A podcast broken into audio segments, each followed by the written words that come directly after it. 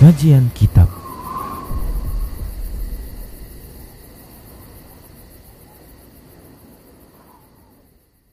Bismillah, Assalamualaikum warahmatullahi wabarakatuh. Innal hamdalillah Nahmaduhu wa nasta'inuhu wa nastaghfiruh Wa na'udhu billahi min syururi anfusina wa min sayyiati a'malina. Man yahdihillah fala mudhillalah wa man yudlilhu fala hadiyalah Wa ashadu an la ilaha illallah wahdahu la sharika lah واشهد ان محمدا عبده ورسوله صلى الله عليه وسلم قال الله تبارك وتعالى يا ايها الذين امنوا اتقوا الله حق تقاته ولا تموتن الا وانتم مسلمون يا ايها الناس اتقوا ربكم الذي خلقكم من نفس واحده وخلق منها زوجها وبث منهما رجالا كثيرا ونساء. واتقوا الله الذي تساءلون به والأرحام. إن الله كان عليكم رقيبا. يا أيها الذين آمنوا اتقوا الله وقولوا قولا سديدا. يصلح لكم أعمالكم ويغفر لكم ذنوبكم. ومن يطع الله ورسوله فقد فاز فوزا عظيما اما بعد فإن أصدق الحديث كتاب الله وخير الهدى هدى رسول الله صلى الله عليه وسلم وشر الأمور محدثاتها وكل محدثة بدعة وكل بدعة ضلالة وكل ضلالة في النار Para muslim, para hamba Allah rahimani wa rahimakumullah, alhamdulillah. Kita bersyukur kepada Allah Subhanahu wa taala yang Allah Subhanahu wa taala masih memberikan nikmat-nikmatnya kepada kita, terutama nikmat yang paling tinggi dan paling besar adalah nikmat keimanan, nikmat keislaman, nikmat ketaatan, nikmat di atas sunnah petunjuk Nabi Shallallahu Alaihi Wasallam. Kemudian Salawat dan salam kita ucapkan untuk Nabi kita tercinta Muhammad sallallahu alaihi wasallam. Kita berharap kepada Allah Subhanahu wa taala semoga Allah Subhanahu wa taala senantiasa memberikan taufik kepada kita agar kita terus berada di atas ketaatan kepada Rasulnya yang itu merupakan ketaatan kepada Allah Tabaraka wa Ta'ala sampai Allah Subhanahu wa Ta'ala mewafatkan kita. Para hamba Allah rahimani wa rahimakumullah, para pemirsa Rosya TV dan para pendengar radio Medan Mengaji di mana saja Anda berada, a'azzani Allah wa iyyakum jami'an. Kita akan mengulas dan masih membahas tentang akidah tauhid dan kita juga masih membahas tentang pembatal-pembatal tauhid yang sekiranya apabila salah satu kaum muslimin melakukan pembatal-pembatal tersebut maka tauhidnya terancam batal. Para muslim rahimani wa rahimakumullah. Dan di antara yang telah kita bahas adalah kesyirikan dengan status syirik akbar. Dan juga kita telah membahas bahwa kesyirikan dengan derajat syirik akbar ini ini terbagi menjadi tiga berdasarkan pelanggaran terhadap hak-hak Allah Subhanahu wa taala yaitu hak di dalam rububiyah sehingga kesyirikan itu bisa terjadi pada rububiyah yaitu perbuatan-perbuatan Allah Subhanahu wa taala. Demikian pula kesyirikan yang terjadi di dalam nama dan sifat Allah Subhanahu wa taala yaitu pelanggaran yang terjadi di dalam ya nama dan sifat Allah Subhanahu wa taala secara khusus adalah ya menyamakan Allah, menyetarakan Allah Subhanahu wa taala dengan selainnya. Dan itu telah kita bahas insyaallah taala pada pertemuan kali ini dan barangkali e, butuh pertemuan-pertemuan berikutnya untuk menuntaskan pembahasan ini. Kita akan bahas ya bahagian yang ketiga yaitu asyirku fil uluhiyati yaitu kesyirikan fil uluhiyah yakni al ibadah yaitu kesyirikan di dalam ibadah baik para muslim rahimani rahimakumullah tentunya kesyirikan di dalam ibadah adalah terjadinya ya pelanggaran kezaliman di dalam hak Allah Subhanahu wa taala yaitu ibadah kepadanya. Dan itu ada tiga bentuknya. Yang pertama adalah ya meyakini adanya sekutu bagi Allah Subhanahu wa taala, meyakini ada selain Allah Subhanahu wa taala yang boleh untuk diibadahi.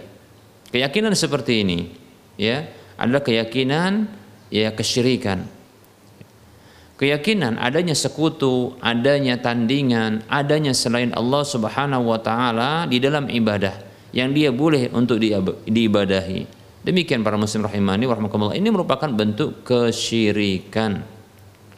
Ini kesyirikan. Demikian. Ya.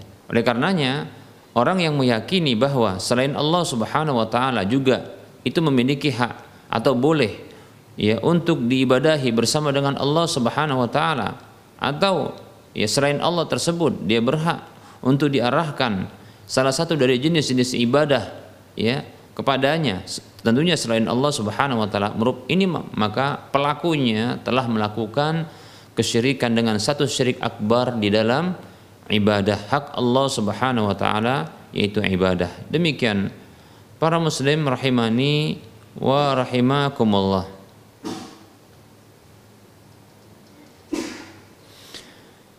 Baik para muslim rahimani wa rahimakumullah. uh, sebagian ulama memasukkan ya ke dalam jenis ini adalah pemberian nama ya pemberian nama ya dengan abdun yang disandarkan kepada makhluk ya disandarkan kepada makhluk ya ini merupakan bentuk ta'abbud yaitu penghambaan diri kepada makhluk selain Allah Subhanahu wa taala. Seperti contohnya ya orang yang dia memberikan nama kepada anaknya atau kepada siapa pun dengan Abdul Rasul ya. Abdul Rasul ya. Atau Abdul Hussein atau dahulu orang-orang musyrik dahulu ya. Abdul Lata ya. Abdul Uzza demikian. Nah seperti itu. Orang-orang terdahulu maksudnya orang-orang musyrik di zaman Nabi Shallallahu Alaihi Wasallam yang menamakan ya anak mereka dengan Abdul Uzza, ya. Demikian. Abdul Lata. Apabila kaum muslimin ada yang menamakan anak mereka dengan Abdul Rasul, hamba Rasul, maksudnya adalah bentuk penghambaan diri kepada Rasul. Begitu juga Abdul Hussein. Sebagaimana sebagian orang-orang Syiah menamakan diri mereka, eh, menamakan anak-anak mereka ya atau anak-anak yang baru lahir di sekitar mereka itu di sekitar mereka dengan Abdul Hussein ya hambanya Hussein maksudnya penghambaan diri kepada Hussein karena ada keyakinan kebolehan ya. Kebolehan ya untuk menjadikan selain Allah Subhanahu wa taala sebagai ya sebagai sesuatu yang berhak yang boleh untuk diarahkan ibadah kepadanya ya. Demikian. Nah, ini tentunya merupakan bentuk kesyirikan kepada Allah Subhanahu wa taala. Nah, keyakinan seperti ini, keyakinan seperti ini, keyakinan selain Allah Subhanahu wa taala itu ya boleh untuk diibadahi, boleh untuk disembah, boleh diarahkan ya ibadah kepadanya, maka ini merupakan bentuk kesyirikan dengan satu syirik akbar di dalam ya hak ibadah kepada Allah Subhanahu wa taala. Demikian para muslim rahimani wa rahimakumullah. Tidak mesti menamakan ya orang lain bayi ya e, dengan hamba-hamba selain Allah Subhanahu wa taala. Seperti juga mungkin menjuluki dirinya atau menamakan dirinya dengan hamba-hamba yang ini menunjukkan penghambaan diri kepada makhluk tersebut. Maka ini tidak tidak dibenarkan ya tentunya sekedar menamakan memberikan nama ya dengan nama-nama yang keliru seperti ini tanpa ada keyakinan bahwa sesuatu tersebut itu berhak untuk diibadahi atau disembah maka ini merupakan bukanlah bentuk kesyirikan dengan satu syirik akbar ya bukanlah ya merupakan bentuk kesyirikan dengan status syirik akbar. Contohnya adalah ada orang yang mungkin uh, ingin ya uh, terlihat Islami, lalu dia menamakan anaknya dengan Abdul Muthalib. Abdul Muthalib, Abdul Muthalib. Atau mungkin ya dia pernah dapatkan satu buku lalu tertulis di sana Abdul Uzza. Kelihatan mungkin lebih keren nama ini atau lebih bagus, maka dia pun menamakan ya tanpa dia mengetahui artinya dan tanpa dia bertanya. Sehingga nama anak ini pun ya melekat pada kepada sang anak ya Abdul Uzza ya Abdul Manat ya ya kemudian ya uh, Abdul Muthalib padahal nama-nama ini adalah nama-nama yang mengandung kesyirikan karena ini menunjukkan bentuk menamakan dengan keyakinan adanya penghambaan diri kepada kepada selain Allah Subhanahu wa taala. Ini nama-nama orang-orang musyrik di zaman dahulu demikian ya. Baik para muslim rahimani wa rahimakumullah. Tentunya orang yang memberikan nama kepada anaknya atau kepada orang lain dengan nama seperti ini, ya, ini tidaklah dia terjatuh ke dalam kesyirikan dengan status syirik akbar karena dia tidak meyakini. Ya. Ini hanya kesalahan saja, ya. Maka butuh untuk diralat dan diganti nama nama tersebut. Demikian para muslim rahimani wa rahimakumullah. Yang kita maksudkan dalam pembahasan yang pertama ini yang termasuk dia kesyirikan di dalam hak Allah Subhanahu wa taala itu ibadah adalah keyakinan adanya sekutu, adanya selain Allah Subhanahu wa taala yang dia boleh atau berhak untuk diarahkan ibadah kepadanya. Ya, demikian. Keyakinannya. Jadi harus ada disertai dengan adanya keyakinan tersebut. Ya. Walaupun seandainya seseorang tersebut keyakinan ini tidak berimplementasi, tidak terwujudkan dalam bentuk tindakan. Ya, dalam bentuk tindakan. Contohnya ada seseorang yang dia meyakini bahwasanya ya e, meyakini bahwasanya para wali-wali itu, para wali-wali itu ya boleh untuk kita sholat ya mengarah kepadanya demikian. Boleh katanya seperti itu. Ya. Atau boleh ya uh, wali itu untuk kita contohnya sujuti. Dengan sujud sujud kita menghambakan diri kepadanya ya. Ya. Sujud pengagungan. Demikian. Dia meyakini seperti itu. Maka tentunya keyakinan seperti ini keyakinan yang merupakan syirik dengan satu syirik akbar. Ya. Namun tidaklah lantas kita nyatakan fonis orang tersebut kita fonis orang tersebut dengan orang yang musyrik. Ya musyrik keluar dari Islam tidak demikian. Kembali kita tegaskan bahwasanya ya sebuah perbuatan atau perkataan atau keyakinan yang mengandung kesyirikan dengan syirik akbar ya tidaklah lantas menjadikan pelakunya itu menjadi musyrik keluar dari Islam. Man waqa'a fi syirki la yalzamu an yakuna musyrikan.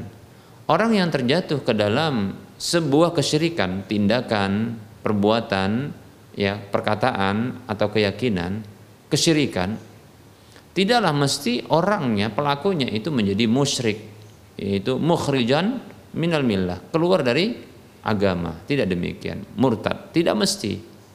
Karena bisa jadi dia tidak tahu, bisa jadi dia ya uh, ada syubhat karena sekitarnya memang demikian, sekitarnya orang-orang sekitarnya dan seterusnya sebab-sebab yang lainnya demikian. Baik para muslim rahimani wa rahimakumullah. Namun ini tidaklah menghalangi diri kita untuk menghukumi perkataan dan perbuatan serta keyakinan tersebut sebagai bentuk kesyirikan. Ya, ini tidak menghalangi. Hanya saja untuk menghukumi orangnya, nah ini butuh ya terpenuhinya syarat semua syaratnya dan hilangnya semua penghalang-penghalangnya. Demikian para muslim rahimani wa rahimakumullah. Kita ulangi ya merupakan ya bentuk kesyirikan di dalam hak ibadah kepada Allah Subhanahu wa taala adalah adanya keyakinan ya bahwa selain Allah Subhanahu wa taala itu berhak atau boleh untuk diarahkan ibadah kepadanya. Demikian ya. Walaupun keyakinan seperti ini ini terwujudkan dalam sebuah tindakan seperti contohnya adalah memberikan nama dengan nama Abdul Hussein ya atau contohnya Abdul Wali contohnya yaitu hamba Husain, hamba Wali, Abdul Imam, hamba Imam dan seterusnya. Yang adanya ya disertai adanya ya keyakinan bahwa bolehnya mengarahkan ibadah itu atau orang tersebut boleh memang untuk diibadahi. Yang seperti inilah yang termasuk ya jenis yang pertama ini. Baik para muslim rahimani wa rahimakumullah, ya kita akan lanjutkan yang jenis kedua termasuk kesyirikan di dalam hak ibadah kepada Allah Subhanahu wa taala adalah mengarahkan. Kalau yang pertama tadi terkait dengan keyakinan, yang kedua ini terkait dengan tindakan mengarahkan salah satu dari ibadah-ibadah ya yang dia murni ibadah kepada selain Allah Subhanahu wa taala. Ya. Itu tindakan mengarahkan ibadah Kalau tadi adalah bentuk keyakinan, kalau sekarang adalah bentuk tindakannya. Itu mengarahkan, memalingkan salah satu dari ibadah-ibadah yang memang murni dia ibadah. Ya. Itu kepada selain Allah Subhanahu wa taala, ya. Maka segala bentuk ibadah-ibadah yang memang murni dia ibadah, baik itu ibadah-ibadah yang terkait dengan ibadah batin yaitu dalam hati kita, ya seperti contohnya apa sih ibadah batin itu? Niat. Apa ibadah batin itu? Seperti contohnya adalah takut.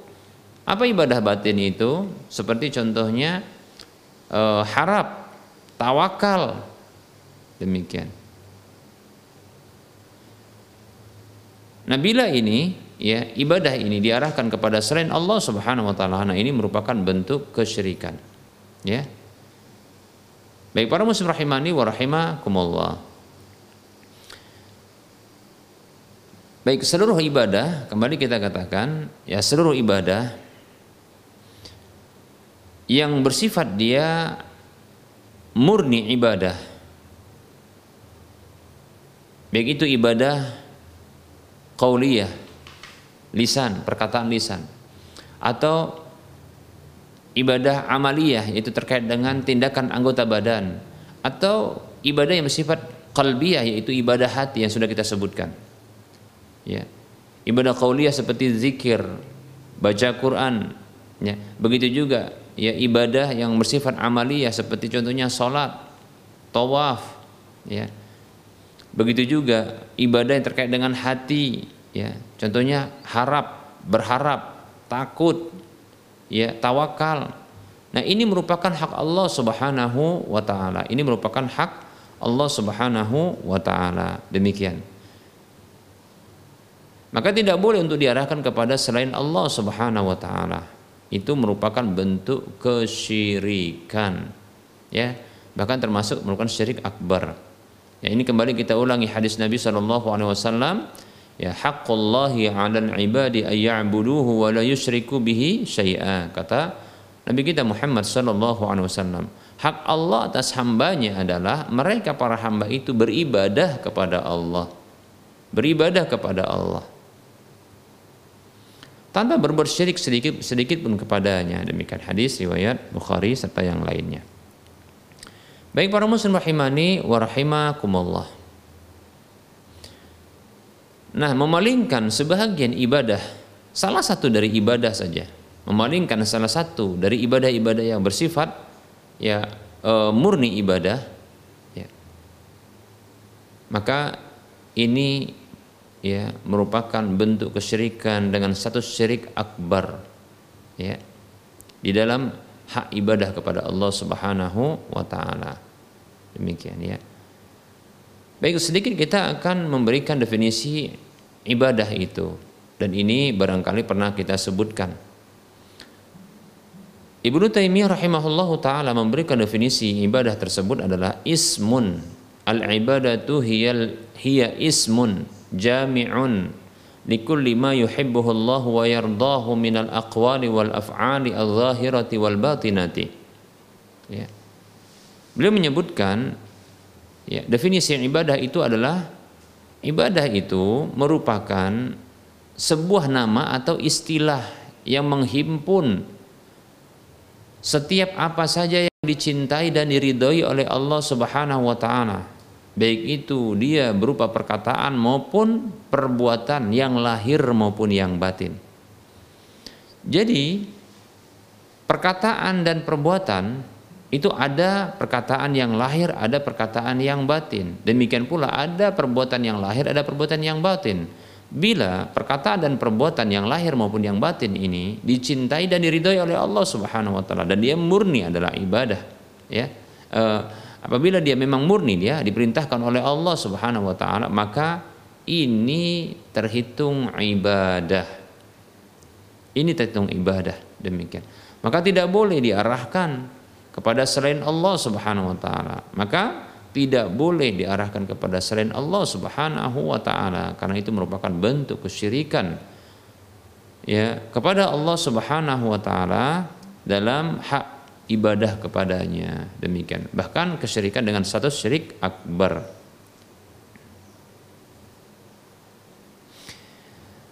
seorang ulama India bernama Siddiq Hasan Khan al Kunuji beliau mengatakan tentang tafsir firman Allah Subhanahu wa taala surah Al-Isra ayat 23.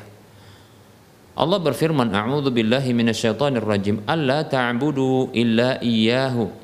Ya.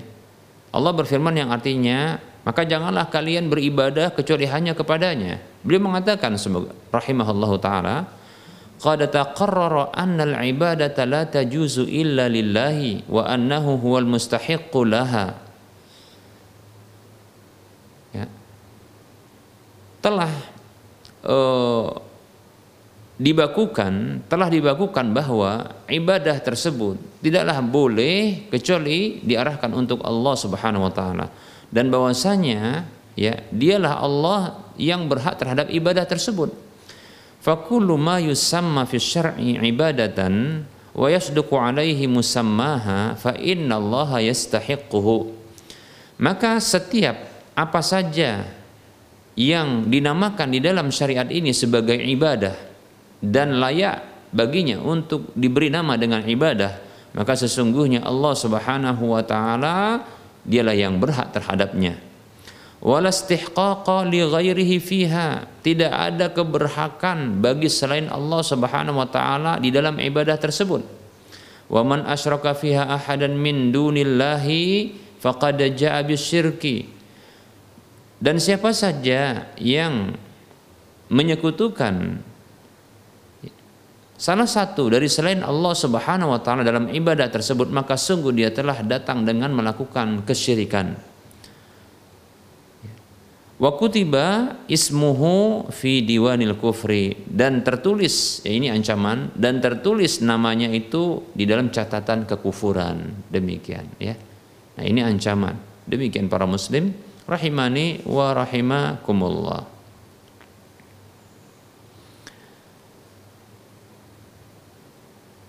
kesyirikan ya dengan memalingkan salah satu dari ibadah kepada selain Allah Subhanahu wa taala ini banyak bentuknya ya. Mungkin bisa kita e, batasi penjelasannya ulasannya dalam dua hal berikut ini. Yang pertama adalah ya asyirku fi du'ail mas'alati yaitu kesyirikan di dalam doa masalah. Apa itu maksudnya doa masalah baik doa masalah itu adalah seorang hamba ya meminta ya kepada Rabbnya Allah Subhanahu wa taala untuk mendatangkan sesuatu yang diinginkan atau untuk menghilangkan sesuatu yang dikhawatirkan. Nah, ini maksud doa masalah. Ya. Doa masalah berarti doa ya permintaan. Doa permintaan. Doa permintaan yaitu berdoa meminta kepada Allah Subhanahu wa taala untuk mendatangkan apa saja yang diinginkan ya dan untuk menghindarkan menjauhkan apa saja yang dikhawatirkan atau ditakutkan demikian nah inilah dimaksud dengan doa masalah ya doa masalah Apa contoh doa masalah? Apa saja contoh doa masalah? Doa masalah ini seperti contohnya adalah istighosah. Istighosah yaitu tolabul ghaus yaitu minta dihindarkan ya dari bala musibah namanya istighosah. Ya, ini termasuk doa masalah. Ya. Isti'adah termasuk berikutnya adalah isti'adah. Apa itu isti'adah? Yaitu talabul aud, yaitu minta perlindungan dari gangguan ya dari bahaya minta perlindungan dari bahaya ya kalau talabul uh, talabul ghaus adalah menuntut ya agar ditolak dari bahaya. Bahaya itu sudah terjadi atau kemungkinan akan terjadi. Demikian ya. Adapun isti'adzah adalah talabul aud yaitu minta perlindungan ya dari sesuatu yang akan mengancam. Dari sesuatu yang akan mengancam dirinya. Demikian ya. Seperti itu. Dan ini termasuk adalah doa ya doa masalah. Begitu juga isti isti'anah. Apa itu isti'anah? Talabul aun yaitu minta pertolongan. Ya minta pertolongan untuk ya mendapatkan sebuah uh, kemaslahatan kemanfaatan. Demikian. Atau istijarah. Istijarah sama tadi ya e, yaitu doa apa namanya tolabul e, jaur yaitu me, menin, apa meminta untuk ya dilindungi dan dijaga. Demikian ya. Baik para muslim rahimani wa rahimakumullah. Imam Al-Khattabi rahimahullahu taala mengatakan wa makna du'ai beliau berbicara tentang makna doa. Apa itu doa istida'u al-abdi rabbahu azza wa jalla al-inayata wastimdadu ya wastimdaduhu ya iyahu al-ma'unata wa haqiqatuhu idharul iftiqari ilaihi wa tabarru'u minal hawli wal quwwati wa huwa simatul ubudiyati wastish'aru dhulli zullati al-bashariyati wa fihi makna as-sana 'ala Allah azza wa jalla wa idafatil judi wal karami ilaihi. Doa ya. Doa ini adalah permintaan ya, permintaan kehadiran seorang hamba kepada Robnya terhadap eh, perhatian ya perlindungan ya dan pertolongan kepada Allah Subhanahu wa taala. Hakikatnya adalah ya, hakikat dari doa tersebut adalah menampakkan kebutuhan kepada Allah, kepergantungan kepada Allah Subhanahu wa taala, ya.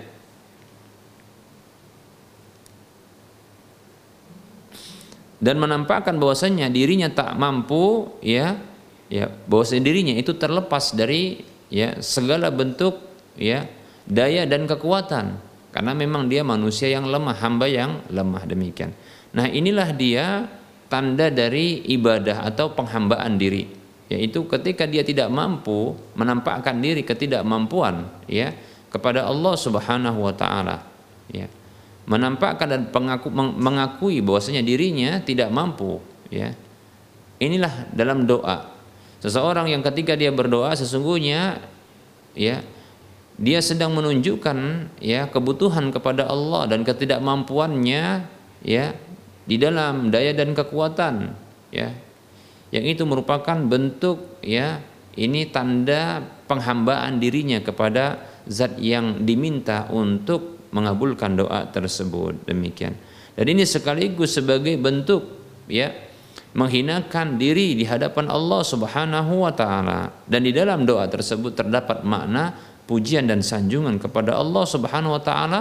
Demikian pula menyandarkan ya kedermawanan itu dan kemuliaan itu kepada Allah Subhanahu wa taala. Demikian. Hanya Allah yang mampu.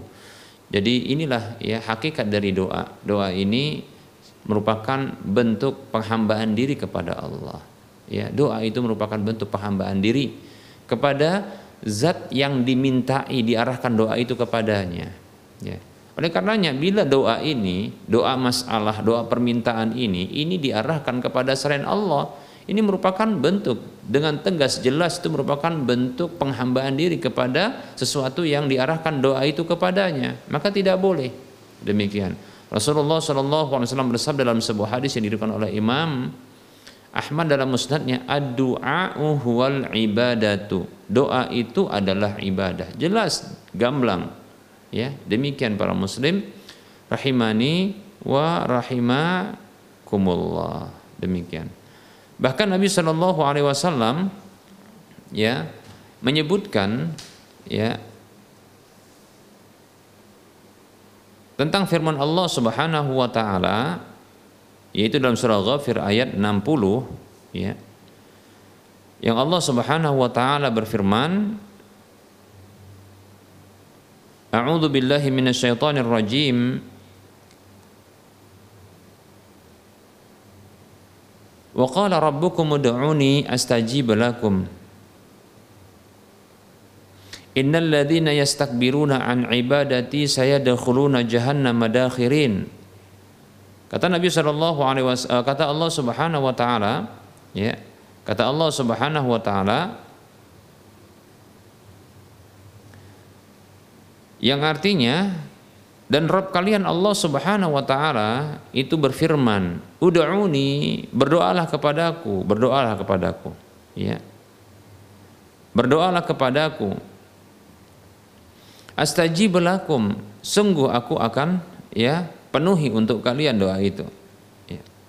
Innal ladzina yastakbiruna an ibadati sesungguhnya orang-orang yang mereka sombong enggan dari berdoa kepadaku, beribadah kepadaku, saya dakhuluna jahannam madakhirin. Kalau mereka akan masuk ke dalam neraka jahanam dalam kondisi hina dina. Demikian para muslim rahimani warahmatullah ya.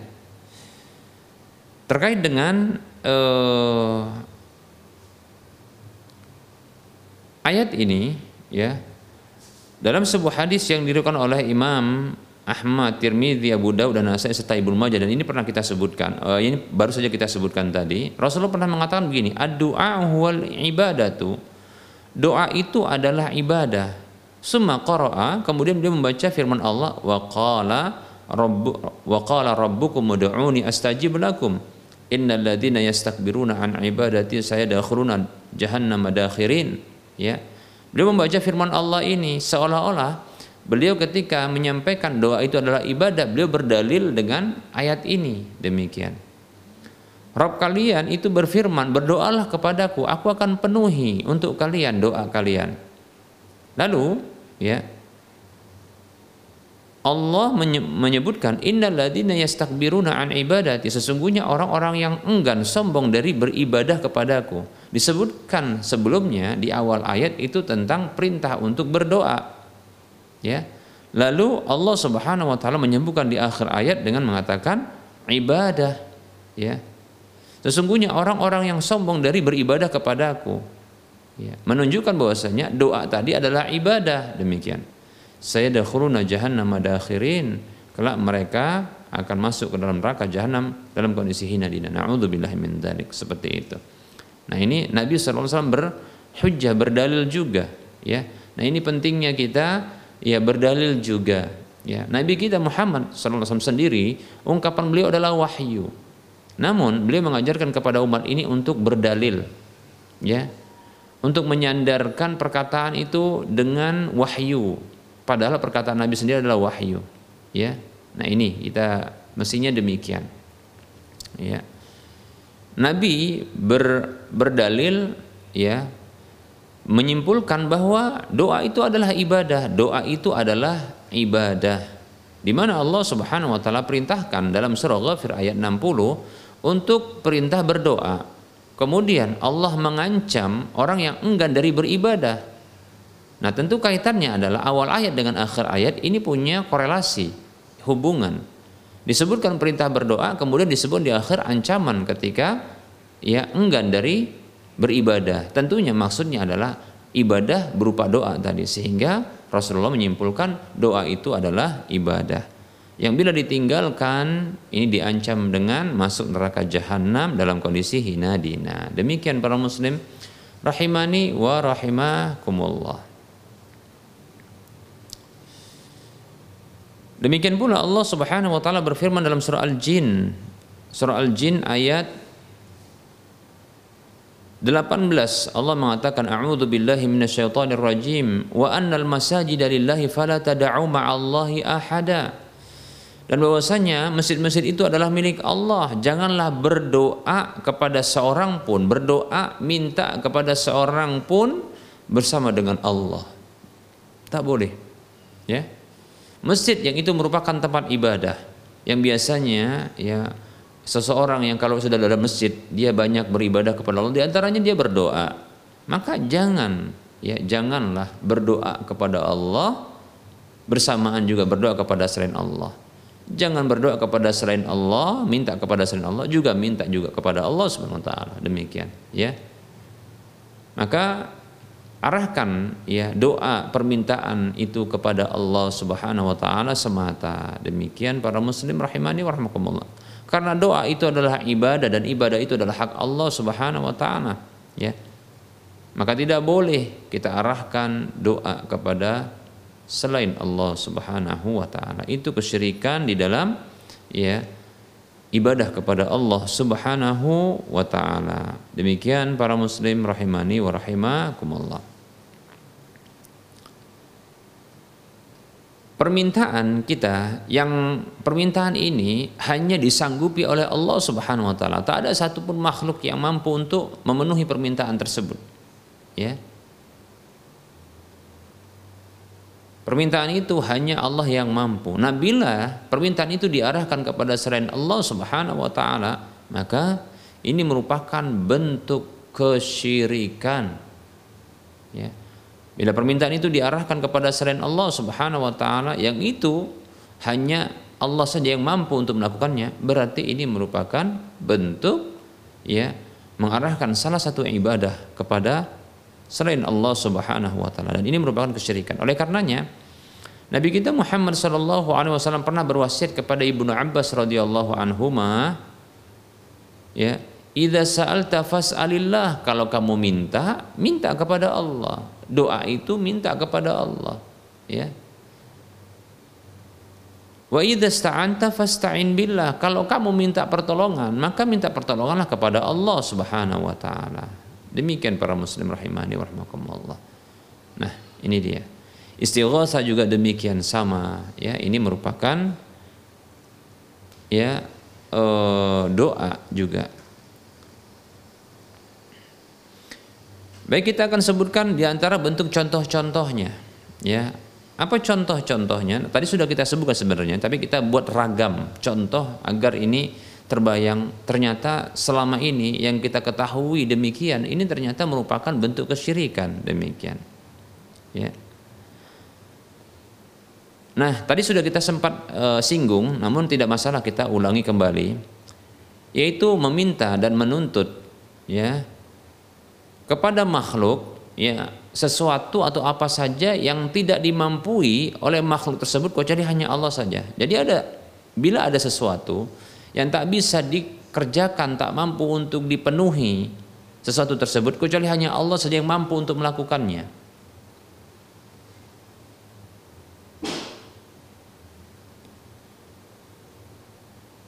Maka bila diarahkan hal seperti ini, permintaan seperti ini kepada selain Allah Subhanahu wa taala. Baik selain Allah itu dia hidup atau dalam kondisi sudah meninggal dunia, ya. Atau dia benda mati atau benda hidup, ya. Ataukah dia seorang yang mulia seperti orang soleh, ya, para wali, para nabi, para rasul, para malaikat bahkan ya. Atau orang-orang yang tidak soleh. Seperti contohnya pelaku ya. E, kemaksiatan ya. Atau para dukun contohnya ya. Yang diarahkan permintaan-permintaan atau dituntut ya sesuatu selain Allah tersebut. E, apa saja selain Allah yang dituntut dia untuk bisa melakukan sesuatu yang hanya Allah Allah saja yang mampu untuk melakukannya maka ini merupakan bentuk kesyirikan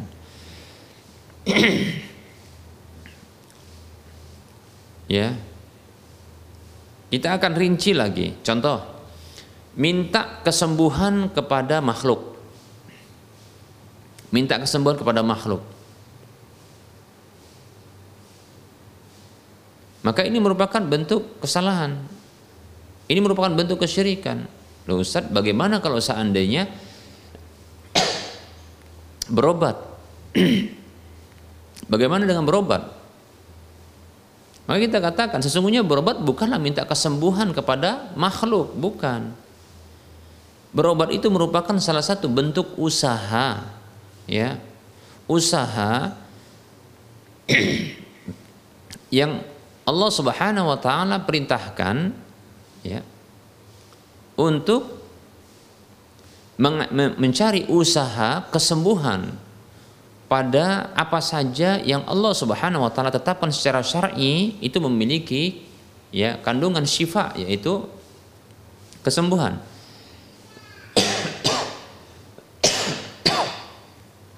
Sembari diyakini bahwasanya Allah adalah asyafi, zat yang maha menyembuhkan, seperti itu. Nah, ini benar ya.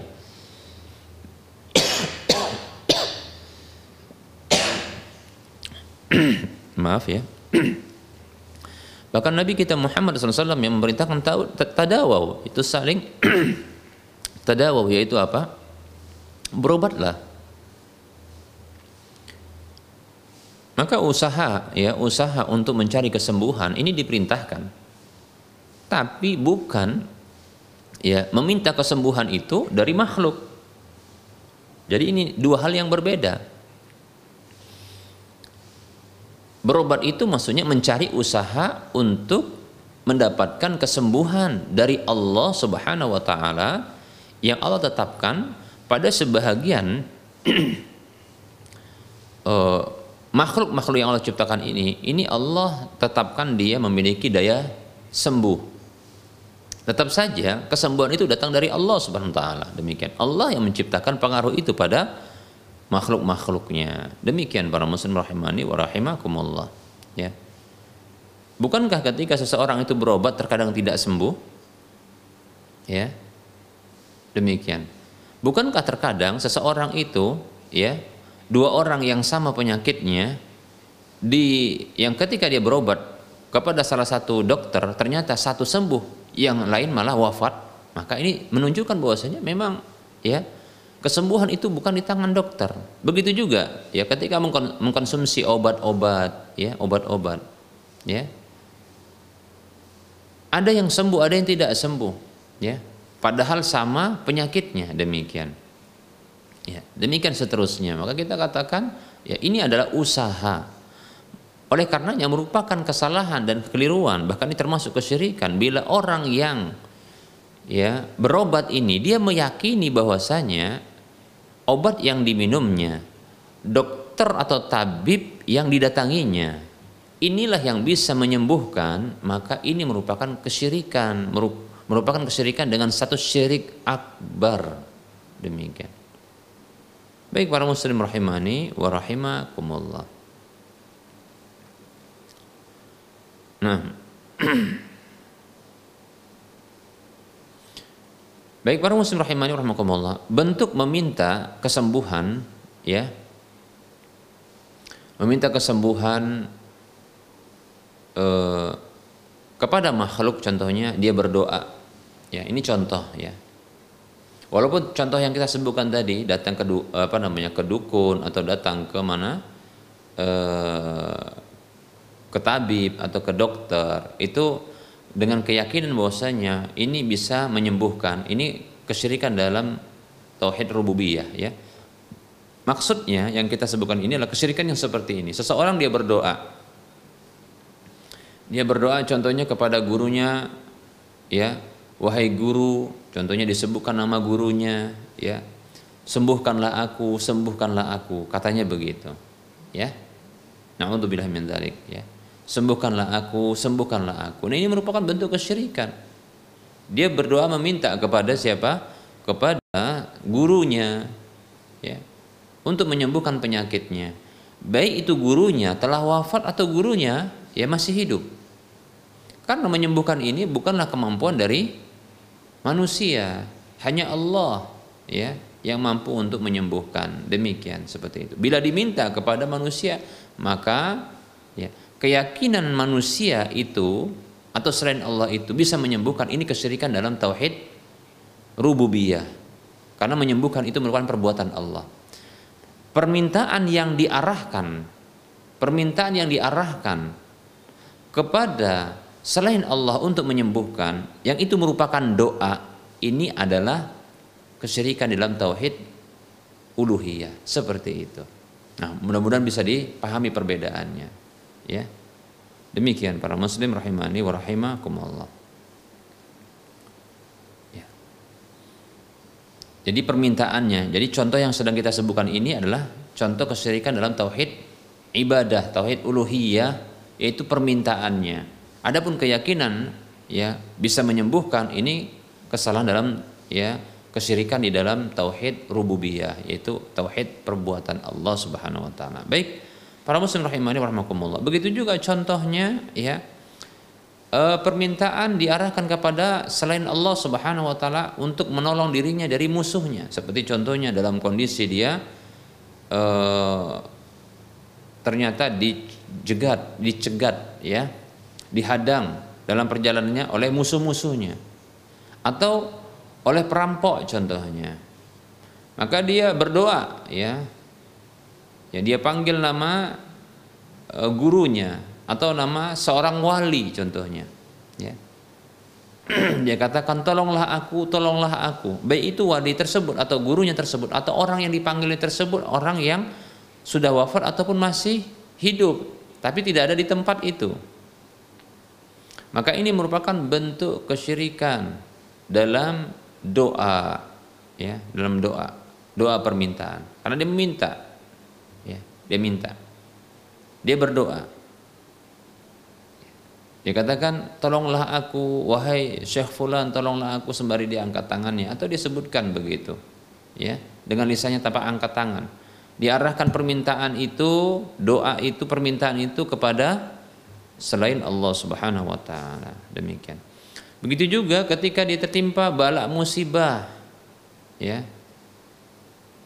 balak musibah yang sedang menimpanya atau menimpa masyarakatnya, ya, seperti corona ini, ya, musim corona ini, ya, maka dia minta kepada selain Allah Subhanahu wa taala untuk diangkat balak musibah ini. Demikian. Tapi kepada selain Allah dia minta ya. Maka yang seperti ini ya merupakan bentuk ya kesyirikan dalam doa ya doa masalah ini tentunya ya kesyirikan dalam ibadah yang itu merupakan hak Allah Subhanahu wa taala. Mengapa? Ya karena hal-hal seperti ini hanya Allah sendiri, hanya Allah saja yang mampu untuk melakukannya. Tidak ada satupun makhluk yang mampu untuk bisa melakukannya. Demikian, ya. Andaikan pun diminta kepada malaikat Ya dia panggil contohnya malaikat. Sebagaimana mungkin dia pernah dengar contoh ini dalam kondisi dia dihadang oleh ya orang-orang jahat baik itu musuhnya atau mungkin perampok yang menginginkan harta bahkan nyawanya. Ya. Dia teringat bahwasanya ya eh, kisah di mana dalam peperangan seperti perang Badar dan yang lainnya itu turun malaikat-malaikat Allah Subhanahu wa taala ya lantas dia panggil malaikat-malaikat itu agar turun dan membantu dirinya. Minta tolong dia kepada malaikat. Ya disebutkan contohnya malaikat Jibril wahai malaikat Jibril wahai malaikat Mikail tolong aku. Demikian. Seperti itu ya. Dia minta tolong untuk menyelamatkan dia dari apa? Dari uh, himpitan bahkan ancaman bahaya seperti ini. Maka ini pun tidak boleh ya. Karena sesungguhnya para malaikat itu pun tak akan bisa menolong kecuali dengan ya dengan izin dari Allah Subhanahu wa taala. Demikian para muslim rahimani wa rahimakumullah. Nah, ini merupakan bentuk kesyirikan dalam doa masalah yang itu merupakan ibadah dan ini merupakan syirik akbar ya syirik dengan satu syirik akbar Demikian para muslim rahimani wa rahimakumullah.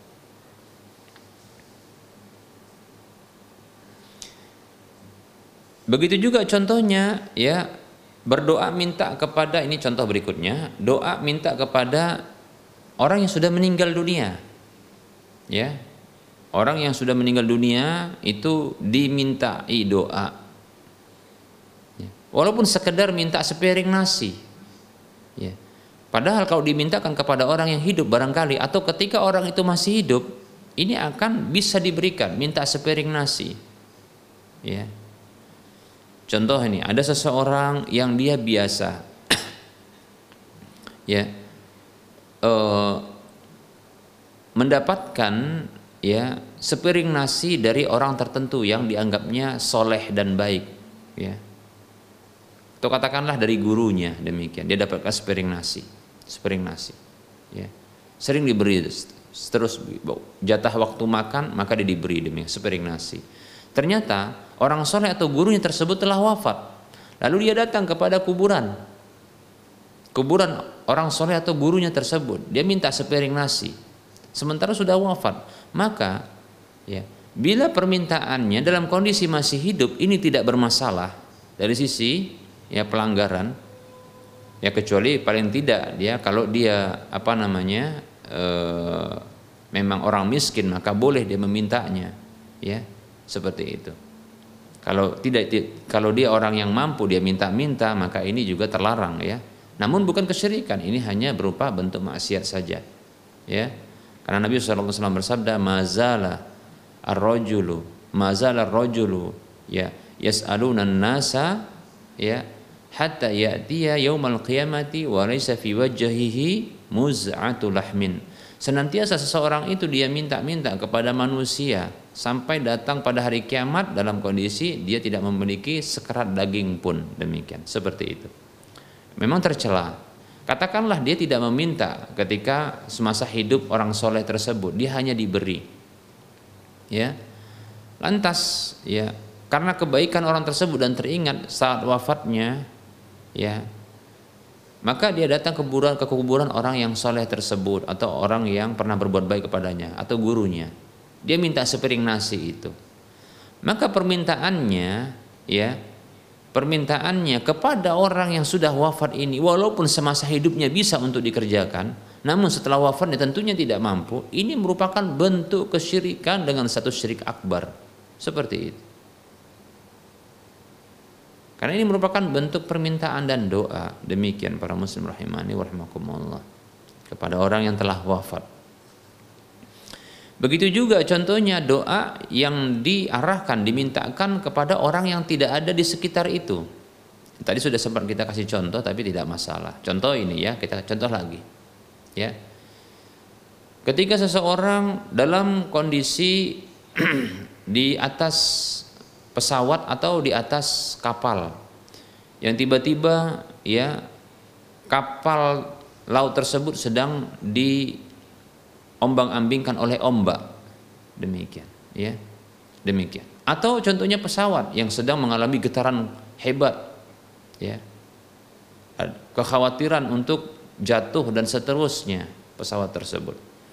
Lantas dia berdoa kepada gurunya yang dianggapnya soleh dan memiliki kesaktian, ya, memiliki karomah. Dia berdoa kepada gurunya, padahal gurunya tidak ada di tempat, ya gurunya masih ada contohnya di tempatnya ya di rumahnya. Dia berdoa minta wahai guru tolong aku katanya. Ya wahai guru ya selamatkanlah aku ya. Demikian. Yang jelas doa ini diarahkan kepada orang yang tidak ada di tempatnya.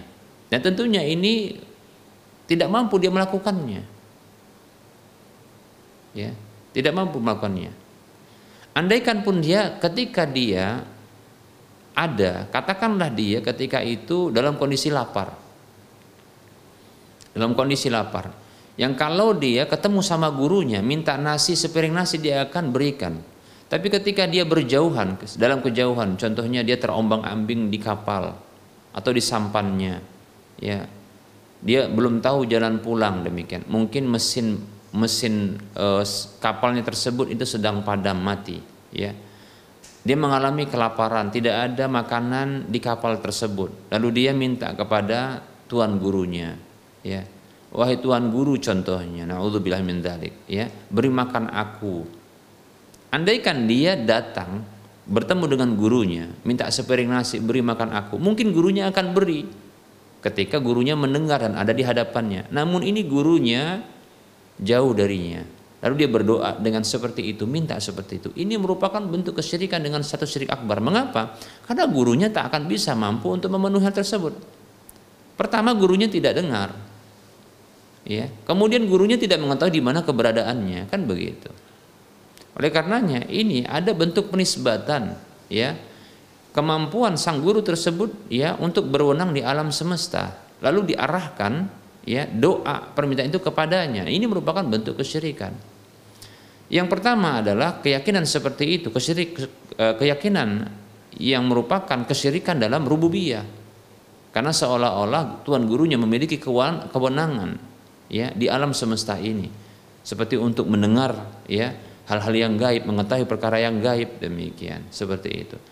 Mengabulkan doa seperti itu ya. Kemudian diarahkan doa kepadanya.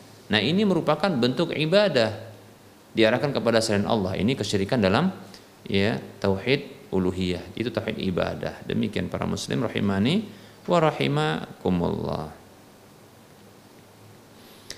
Contoh berikutnya para muslim rahimani wa rahimakumullah ya adalah menjadikan ya antara salah satu makhluk ya itu sebagai perantara dengan kepada Allah Subhanahu wa taala dalam doa. Dan meyakini bahwasanya Allah Subhanahu wa taala tidak akan mengabulkan doa ya orang yang berdoa kepadanya secara langsung. Dia Allah akan sampai kepadanya doa tersebut bila ada perantaranya. Nah itu dari kalangan makhluk yang dekat katanya begitu. Maka gimana caranya? Caranya dia berdoa, ya, minta dulu kepada siapa? Kepada orang yang dianggapnya ini adalah orang dekat Allah Subhanahu wa taala. Contohnya wali.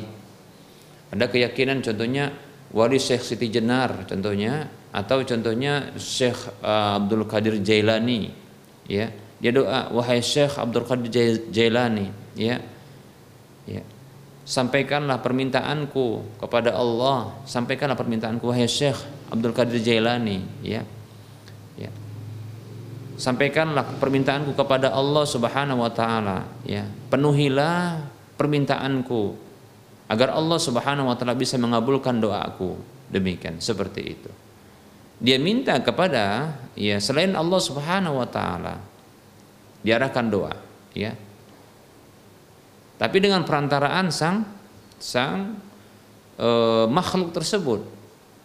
Ya, keyakinan seperti ini dan diiringi dengan tindakan seperti itu, ya, yaitu menjadikan selain Allah sebagai apa?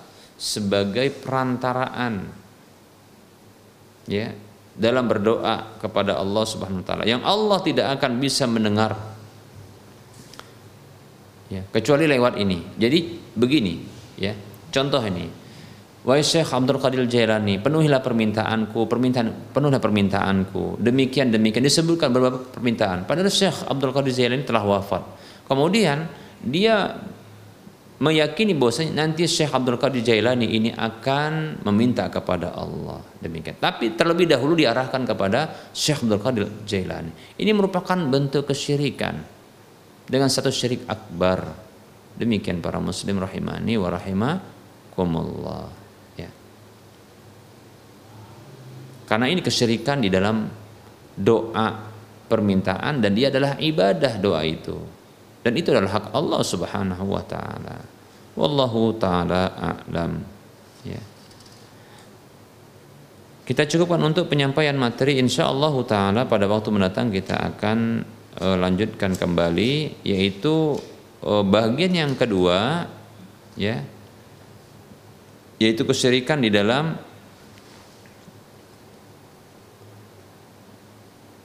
kesyirikan dengan memalingkan sebahagian ibadah itu kepada selain Allah Subhanahu wa taala. Baik. Kita cukupkan insyaallah taala kita lanjutkan pada waktu mendatang. Kita akan uh, lanjutkan dengan sesi soal jawab. Ada pertanyaan, kita ada beberapa pertanyaan ini kita ambil yang sesuai dengan tema terlebih dahulu. Ya. Ini ada pertanyaan Bismillah, mau tanya Ustadz, orang tua kami jika ada barang atau sesuatu yang hilang atau ada pencuri maka orang tua akan membaca surat Yasin di malam Jumat selama atau sebanyak 40 kali. Dan kebetulan apa yang hilang tadi bisa kembali dan itu membuat orang tua saya semakin yakin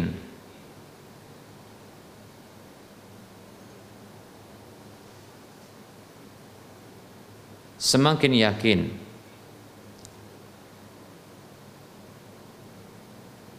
dengan amalan yang dikerjakan. Apakah itu termasuk kesyirikan?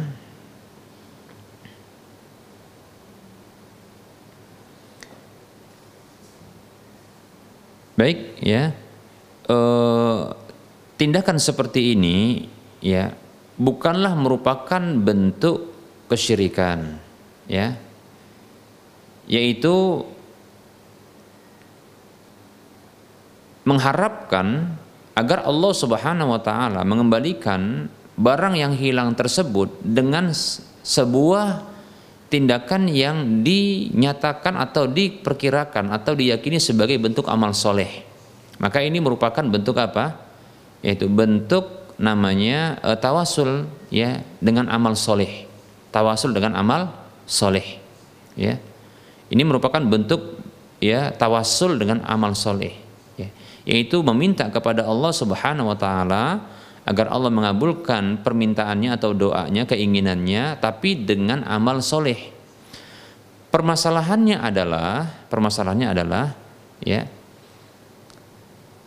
amal yang dikira amal soleh tersebut ternyata tidak berdalil.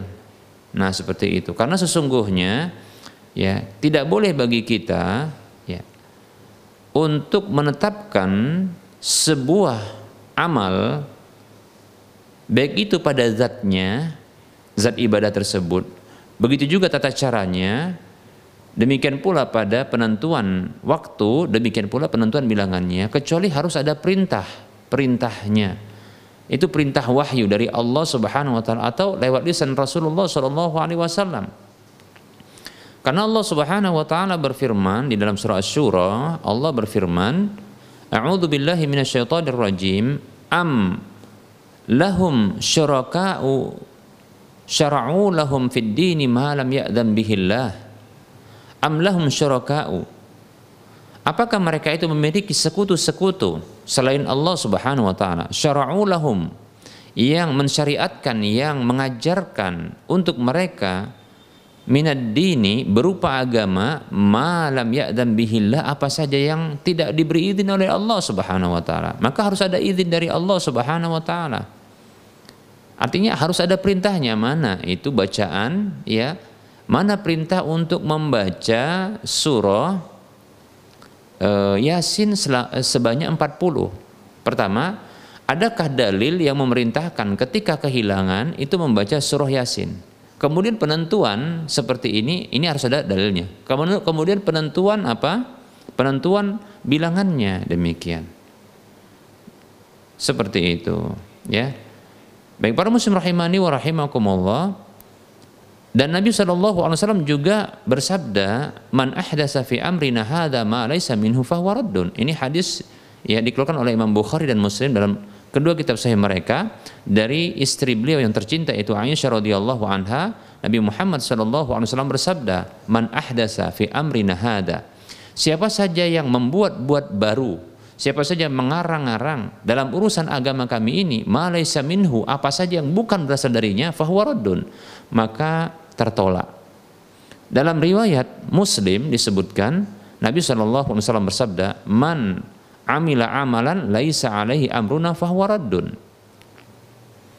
Siapa saja yang beramal dengan sebuah amalan yang tidak ada perintah kami padanya maka tertolak. Ini hadis, hadis disebutkan oleh Imam An-Nawawi. Imam An-Nawawi seorang ulama ya madhab Syafi'i ya yang sangat terkenal ya beliau mencantumkan hadis ini dalam Arba'in, kitab Arba'in beliau urutan kelima. Dua hadis tadi. Di hadis riwayat Muslim yang beliau cantumkan, Rasulullah bersabda, man amila amalan siapa saja yang beramal dengan sebuah amalan laisa alaihi amruna yang tidak ada perintah kami padanya yaitu perintah Rasulullah perintah Allah dan Rasulnya nggak ada perintahnya fahuwa maka tertolak jadi kalau sebuah amalan tidak ada perintah pada zat ibadahnya contohnya apa tidak ada perintah ketika kehilangan itu baca surah yasin ya tidak ada maka orang yang melakukannya harus mendatangkan perintah itu. Mana dalilnya gitu loh. Ya. Seperti itu. Karena ini kan seperti contohnya ketika adzan ya, ini baca apa? doa ya. Allahumma rabb hadhihi da'wati tammah kan seperti itu. Ketika hari Jumat baca surah Al-Kahfi. Nah, begitu. Ketika ada petir menyambar maka baca ya Subhanalladzi yusabbihu ra'du wal malaikatu bihamdihi wal malaikatu min khifati. Nah, itu seperti itu. Itu ada dalilnya, begitu loh. Ya. Nah, sekarang ketika kehilangan barang lantas membaca ini ini mana ini? Kondisi kemudian ada perintah seperti ini. Ini mana perintahnya? Harus ada perintahnya. Pada zat ibadah tersebut, kemudian pada tata caranya. Demikian pula pada penentuan bilangan serta penentuan waktunya. Jumlah 40 ini datangnya dari mana? Kita tidak boleh mengarang-arang, sebagaimana kita tidak boleh mengarang-arang sholat lima waktu, ya. Ketika contohnya kondisi uh, tenggelam matahari, tenggelam matahari itu kondisi tenggelam matahari. Nah di situ ada perintah sholat. Nah, itu ada perintahnya. Dan itu waktunya adalah tiga rakaat. Bilangan itu, maaf bukan waktunya, bilangannya itu tiga rakaat di waktu itu. Jadi terkait dengan kondisi, kemudian zat ibadah, begitu juga waktu, ini harus ada dalil. Nah kalau ada seseorang, contohnya ketika tenggelam matahari, ya lantas dia baca Quran sebanyak contohnya dia baca surah ya al-fatihah saja sebanyak contohnya lima kali atau tiga kali. Sudah selesai dia tidak sholat maghrib. Ketika ditanya sudah sholat maghrib? Sudah. Lalu dia katakan bagaimana bentuknya sholat maghrib? Saya baca surah apa uh, al-fatihah tiga kali. Nah ini bukan sholat nah, namanya ngarang-ngarang seperti ini. Kenapa kok harus sholatnya sholat maghrib? Kenapa kok ketika tenggelam matahari harus sholat maghrib? Karena ada perintahnya. Kenapa kok tiga rekat sholatnya? Karena memang ada perintahnya. Semua ada perintahnya. Mestinya juga demikian. Ketika dalam kondisi kehilangan barang itu kan kondisi, ya. Maka membaca surah Yasin itu harus ada perintahnya. Kemudian jumlah 40 juga harus ada perintahnya. Ini dari mana? Demikian. Kalau tidak kata Nabi wasallam, "Man amila amalan laisa alaihi amruna fahuwa raddun." Siapa saja yang beramal dengan sebuah amalan yang tidak ada perintah kami padanya maka tertolak. Ustadz, mungkin ada yang mengatakan begini, Ustadz, ini ternyata kembali Ustadz. Kembali ini apanya? Kembali ini e, barangnya. Berarti kan diizinkan oleh Allah Subhanahu wa taala. Baik, untuk membuat ilustrasi begini untuk memudahkan. Apakah ketika sebuah cara yang keliru akan menjadikan ketika sebuah cara yang keliru ternyata ini berhasil apakah lantas keberhasilan itu melegalkan cara yang keliru? Contoh kenyang. Apakah yang mengenyangkan itu Allah Subhanahu wa taala ataukah makanan-makanan? Kita katakan makanan itu sebagai sarana saja yang mengenyangkan, yang membuat kenyang adalah Allah Subhanahu wa taala. Demikian. Nah, sekarang begini. Kalau ada orang makan daging babi, caranya keliru, tapi kenyang datang. Nah, kira-kira apakah oh saya kenyang? Alhamdulillah, saya sudah kenyang. Saya sudah kenyang. Maka kalau begitu daging babi ini halal, gitu jadinya. Tidak. Contoh berikutnya. Contoh berikutnya. Ya. sembuh ini datangnya dari Allah karena Allah menyembuhkan. Namun caranya keliru. Contohnya adalah begini, ya. Ada orang dengan sakit tertentu, maka untuk kesembuhannya katanya harus e, makan sop anjing atau contohnya ya e, menghirup atau meminum darah ular. Demikian seperti itu. Ternyata begitu diminum darah ular atau contohnya dimakan itu, dihirup itu sop anjingnya, sembuh, Allah jadikan sembuh. Pertanyaannya, apakah ketika sembuh yang Allah berikan tersebut ini menjadikan halalnya caranya? Jawabannya tidak. Demikian. Terkadang Allah Subhanahu wa taala menjadikan ini sebagai ujian. Seperti itu. Begitu juga kalau seandainya cara ini keliru. Namun ternyata Allah Allah jadikan begitu. Allah jadikan. Ya untuk dikembalikan. Itu bukanlah sebagai bentuk apa? Bentuk pembenaran tapi itu sebagai ujian. Bahkan saya condong bisa jadi ini adalah tindakan apa? Syaitan. Yang syaitan itu ya ingin ya memperdaya manusia dengan cara seperti ini. Ya. di mana ketika orang tersebut melakukan sebuah tindakan yang keliru secara syar'i namun samar dia kesalahannya. Karena ini adalah bentuk dianggap ibadah seperti itu ya. Ya. Ini dianggap ibadah tapi per, padahal ini bentuk mengada-ngada. Ternyata ya hasilnya itu ditakdirkan oleh Allah terjadi dan itu atas bantuan setan maksudnya adalah setan itu yang mengupayakannya. Dengan contohnya membuat sadar atau menakut-nakuti orang yang mencuri tersebut untuk mengembalikan.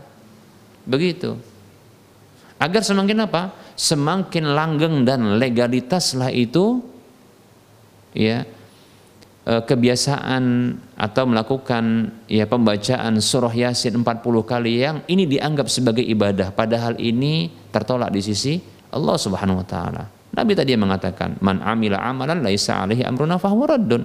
Siapa saja yang beramal dengan sebuah amalan yang tidak ada perintah kami padanya maka tertolak. Oleh karenanya bagi orang yang mengamalkannya itu harus ada mendatangkan perintahnya. Ada harus mendatangkan perintahnya. Seperti itu. Ya. Nah, demikian, ya. Jadi cara yang keliru ya, maaf, hasil yang didapatkan dari cara yang keliru tidaklah melegalkan dan membenarkan cara tersebut. Wallahu taala alam semoga bermanfaat.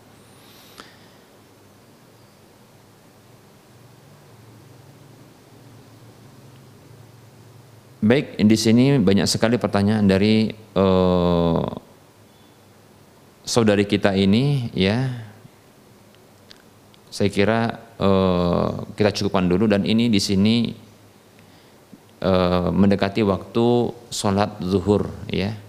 Jadi mohon maaf hanya bisa menjawab satu pertanyaan ya karena juga butuh untuk panjang menjelaskannya ya dan tadi mohon maaf juga ya memulai kajian juga agak uh, terlambat sedikit kemudian ya juga terlalu panjang kita menyampaikan materinya karena memang perlu untuk disampaikan panjang. Mohon maaf atas segala kekurangan dan kesalahan. Kebenaran itu datang dari Allah Subhanahu wa taala, maka terimalah. Adapun kesalahan dan kekurangan, kekeliruan itu datang dari saya pribadi dan bisikan syaitan, ya kepada Allah. Saya mohon ampun kepada para pemirsa dan para pendengar sekalian saya mohon maaf. Wassallallahu ala Muhammad wa ala alihi wa ashabihi ajma'in. Subhanakallahumma wa bihamdika asyhadu an la ilaha illa anta astaghfiruka wa atubu ilaika walhamdulillahi rabbil alamin. Wassalamualaikum warahmatullahi wabarakatuh.